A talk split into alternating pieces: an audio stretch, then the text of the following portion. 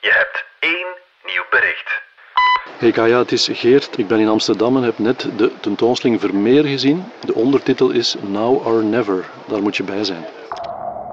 Ik ben Kaya Verbeke en van de Standaard is dit Radar, je wekelijkse cultuurpodcast. Radar. Radar. Radar. Radar.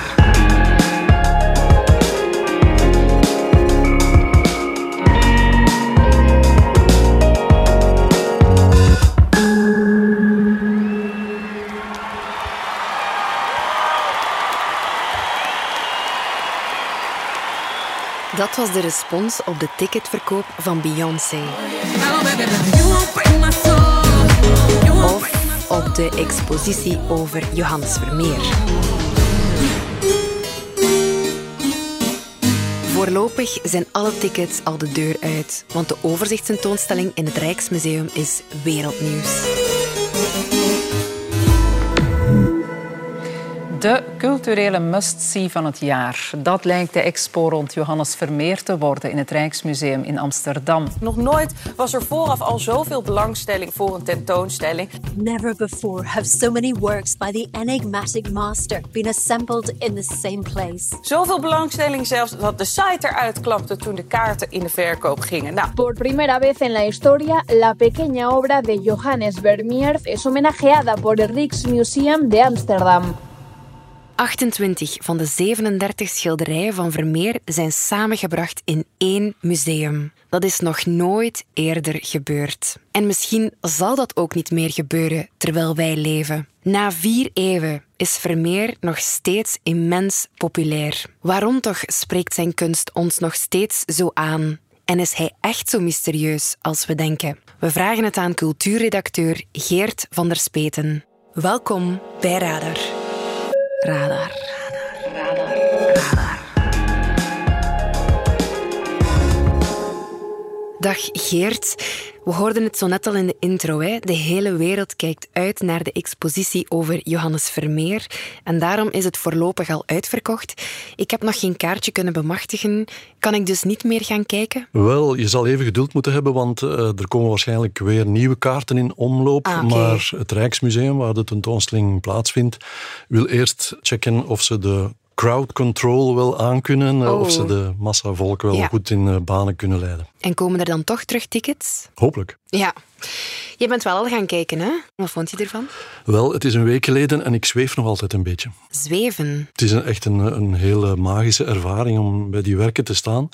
Het is een tentoonstelling die ook maar 28 werken telt, uh, zonder enige Ja. franje. Het is het enige wat je te zien krijgt. Geen immersieve toestanden. Nee, geen computerschermen. Ja. Uh, je duikt echt in een ervaring die volledig bestaat uit verf.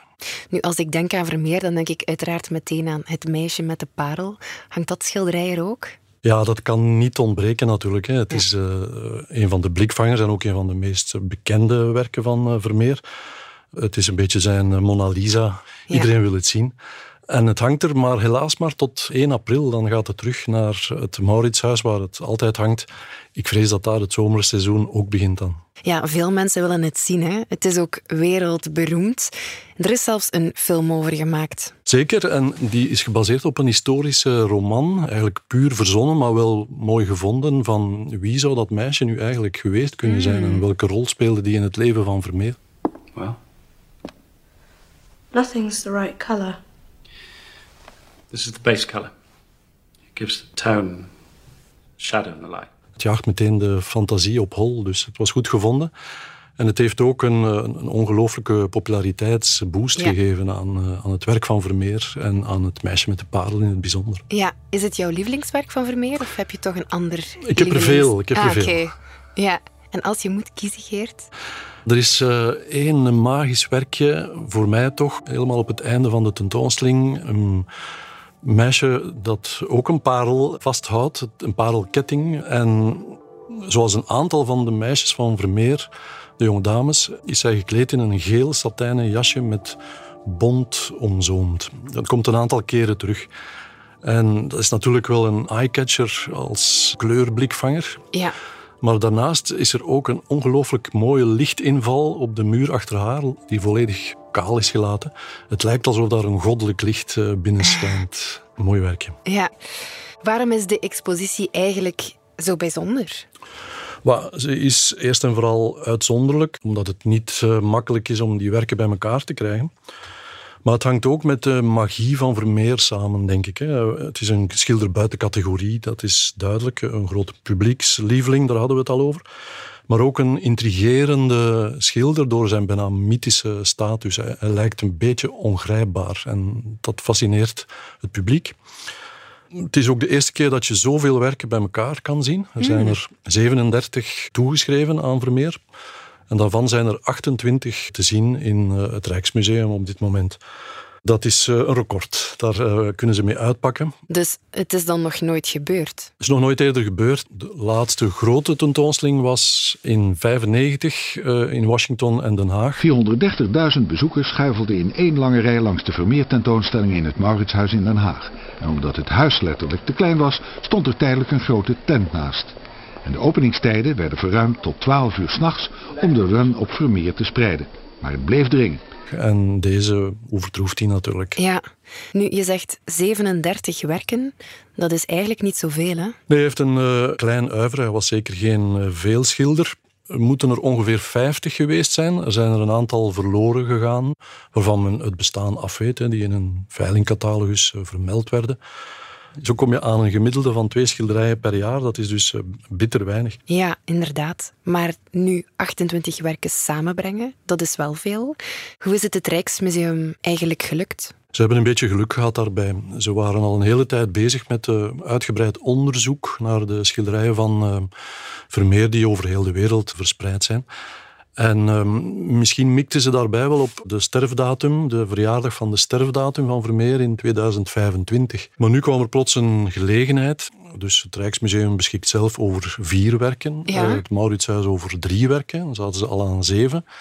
En plots kwam de Frick Collection, een uh, privémuseum in New York, op de proppen, omdat zij met een ingrijpende restauratie beginnen. En um, het was eigenlijk verboden om werken uit de Free Collection te verplaatsen. Maar voor deze keer hebben ze een uitzondering gemaakt. En zo hebben ze andere musea over de brug gekregen om uh, ook hun, hun werk uh, te schenken. Ja, dat zijn natuurlijk allemaal topstukken. Ik denk dat de musea die niet graag uitlenen. Nee, maar uh, vanuit het idee van wij kunnen bijdragen aan iets Ja. wat nooit meer zal gebeuren, namelijk zoveel werken bij elkaar krijgen. Zijn de musea in Washington, Dresden, Frankfurt, Berlijn, Dublin Amai. dan toch uh, overstag gegaan en hebben zij ook een, uh, een werk geschonken. Oké, Geert, neem ons eens even mee doorheen de expositie. Wat krijgen we allemaal te zien? Het begint met twee buitenzichten die toch ook wel fenomenaal zijn. Het eerste, het gezicht op Delft, de stad waar Vermeer opgegroeid is en waar eigenlijk nooit een voet buiten gezet heeft. Of zo goed als. En uh, daarnaast heb je ook het straatje, een, ook een bekend uh, werk waar men lange tijd naar op zoek geweest is. Waar in Delft zou dat straatje ooit uh, gesitueerd zijn? Kan men het nog terugvinden? En Hebben ze het gevonden? men heeft het gevonden. Er zijn heel veel theorieën over geweest en men is het er nu ongeveer over eens. Zoals zo vaak bij Vermeer hoor je dan de uitdrukking zoals algemeen wordt aangenomen, Ja. zal het dit zijn. Dus die twee werken zie je. En um, ja, bij dat ene schilderij, het zicht op Delft, dat is een panorama, een skyline van een stad. Zo waren er wel meer in de 17e eeuw. Maar dit is toch wel bijzonder door de lichtinval, hè, een van de troeven van Vermeer. Het magische licht dat hij laat eh, schijnen over de daken. En ook gedurfd, hij laat voor ongeveer twee derde het schilderij alleen bestaan uit wolken. Dus je ziet een heel laag perspectief. Mhm. eh, een perspectief van waar, denk ik, een schilder die de highlights van Delft wil laten zien, die een, een totaal ander perspectief zou kiezen. Daarna duik je in de tentoonstelling en die is heel rustig opgebouwd. Dus de 28 werken zijn verspreid over 10 zalen. Het zijn hele grote zalen die dus publiekstoeloop wel mogelijk maken, want de meeste werken van Vermeer zijn vrij klein van formaat. Dus je moet er echt wel gaan, gaan voorstaan. De sfeer is intiem en dat komt omdat de zalen met gordijnen zijn uh, afgelijnd. Hele hoge gordijnen in verschillende kleuren die ook op het werk van Vermeer voorkomen. En um, ja, dat geeft eigenlijk wel een, een, een hele intieme sfeer. Je passeert dan een aantal werken die uitgelicht worden. Er komen nooit meer dan zes werken tegelijkertijd in een zaal. Dus je hebt echt wel eh, de gelegenheid om ze goed te bekijken. De aanloop zijn zijn bijbelse taferelen. Daarvoor is hij minder bekend. Het waren ook grotere formaten. En je ziet op een bepaald moment dat hij een, een shift maakt naar wat men in de 17e eeuw genre-taferelen noemde. Eh, Dat zijn dingen zoals een brieflezend meisje, een vrouw die muziceert of een klein gezelschap eh, dat mu- muziceert. Dus eigenlijk wel intieme Ja. binnenskamers. Eh, En dat werd zijn specialiteit. Daar was hij tot de rest van zijn leven mee bezig. En waarom zijn die schilderijen eigenlijk wereldberoemd? Wat maakt zijn werk zo geniaal? Wel, Vermeer ehm, heeft een aantal troeven die andere schilders van zijn tijd eh, niet hadden. Hij was eh, eerst en vooral technisch bijzonder onderlegd. Hij was een meester in het licht, in eh, dieptewerking in schilderijen, in het fantastische kleurgebruik waar hij heel ver in ging. Om ehm, verschillende lagen over elkaar te leggen en dan toch nog een toefje ultramarijn toe te voegen aan de zoom van een kleed, zodat het Amai. echt ging glinsteren. Ja. In al die details was hij goed thuis. Aan de andere kant, hij gebruikt onderwerpen die vrij banaal zijn, hè, die dus ook tijdgenoten wel gebruikten. Daar is niks bijzonders aan, maar wel de manier waarop hij het deed. Hij weet ons binnen te lokken in een schilderij. Het is net alsof we ook in die kamer staan of we alleen maar een gordijn moeten opzij schuiven om een duidelijke kijk te hebben op wat daar gebeurt. En wat daar gebeurt is altijd een spanningsveld. Het is iets intrigerend hoe eh, de figuren die hij afbeeldt met elkaar interageren en je je de vraag stelt, wat speelt zich hier af? Hij laat het ook open. Dat is wel, wel mooi. Het is nooit moraliserend. Het is nooit nadrukkelijk, waarbij je denkt van, och, dit is de boodschap en dit ligt vingerdik op. Hij laat je eigenlijk wel zelf ook gissen welk verhaal er zich tussen die vier muren eh, afspeelt. Daarnaast is hij ook nog de schilder van de stilte. Het lijkt alsof de tijd eh, op die schilderijen bevroren is, eh, zonder dat het daarvoor stram wordt of houterig. Maar eh, hij lijkt echt een snapshot gemaakt te hebben van een, een moment. Ja. Een momentopname. Die snapshots en het spelen met het licht, ja, dat doet mij denken aan fotografie. Ja, inderdaad, dat klopt. En ehm, men heeft ook zitten gissen of hij misschien een eh, camera obscura gebruikt heeft. Een, een- het prototype van de camera eigenlijk. Hè. En ehm, na lang zoeken zijn er daar nog steeds geen bewijzen van eh, naar boven gekomen. Geen bewijzen of er in Delft zo een technisch apparaat gefunctioneerd heeft en of hij dat gebruikt heeft. Maar men komt wel steeds dichter bij het idee dat hij het moet gezien hebben. Er is net een nieuw boekje gepubliceerd. Het onderzoek gaat, gaat verder. eh, Van de co-curator van de tentoonstelling, Gregor Weber. Die verder is gaan spitten in de buren waar Vermeer naast woonde. Dat waren Jezuïeten. En Vermeer leefde dus in de tijd van het protestantisme, het opkomende en gevestigde van de gereformeerde kerk. Ja. Maar oogluikend werd de katholieke kerk wel toegelaten als ze zich niet te nadrukkelijk manifesteerde. Dus die Jezuïeten waren wel degelijk aanwezig met een schuilkerk. En daar werden preken gegeven waarin zij hun eh, devotieleer konden verkondigen. En daarin is er expliciet sprake van het gebruik van een camera obscura. Als je dan, zoals Vermeer, misschien die preek gehoord hebt, dan lijkt het waarschijnlijk dat je dat eens even eh, bekeken hebt hoe dat werkt en eh, ja, welke techniek daarvoor voor nodig is. Een techniek die een beetje gelijkaardig is met wat je in zijn werk ziet, namelijk eh, de focus op iets heel scherp en dan de rest wordt onscherp gelaten. Dat is ehm, ja, een typische fotografische focus natuurlijk. Volgens Pieter Roelofs, hoofd schilder en beeldhouwkunst van het Rijksmuseum, is Vermeer een filmregisseur avant la lettre. He creates film scenes long before film was invented. The way he's framing, for example, cropping the image, the way he uses light. He is focusing on one single action. There's always a moment before and a moment after, but we are in the middle of that particular action. Dus over de werkwijze van Vermeer weten we nog niet alles. Zijn onderzoekers daar nog mee bezig? Ja, het onderzoek gaat verder. Het is al een tijd bezig. En ehm, het heeft er veel van weg dat we dichter en dichter komen bij de manier waarop hij te werk ging. Ondanks het feit dat er geen schetsen of tekeningen van hem gevonden zijn. Maar door die uitgebreide scantechnieken, de, de nieuwste van de nieuwste, Ja. Weten we wel meer over zijn kleurgebruik, ook over hoe hij een schilderij opzette bijvoorbeeld. Men dacht altijd dat hij heel minutieus van bij het begin te werking, heel traag en zorgvuldig te werking, maar bij het bekende melkmeisje heeft men een ruwe onderveeg gevonden waaruit blijkt dat hij toch ja, soms eh, nogal krachtig zijn, zijn werk eh, opzette.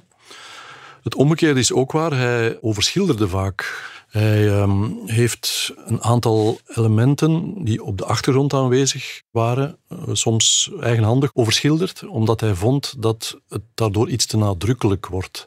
Motieven die te veel zouden kunnen wijzen op een allegorische betekenis heeft hij weggelaten, ook om de compositie nog strakker te maken en, uh, en soberder. Ja, Vermeer is een meesterschilder, zoveel is duidelijk. Maar zijn oeuvre heeft doorheen de jaren al heel wat moeten doorstaan. Verschillende werken werden de voorbije decennia gestolen, maar gelukkig meestal ook teruggevonden. En in oktober vorig jaar nog plakte een klimaatactivist zijn hoofd vast aan Meisje met de Parel. Wat is die aan doen?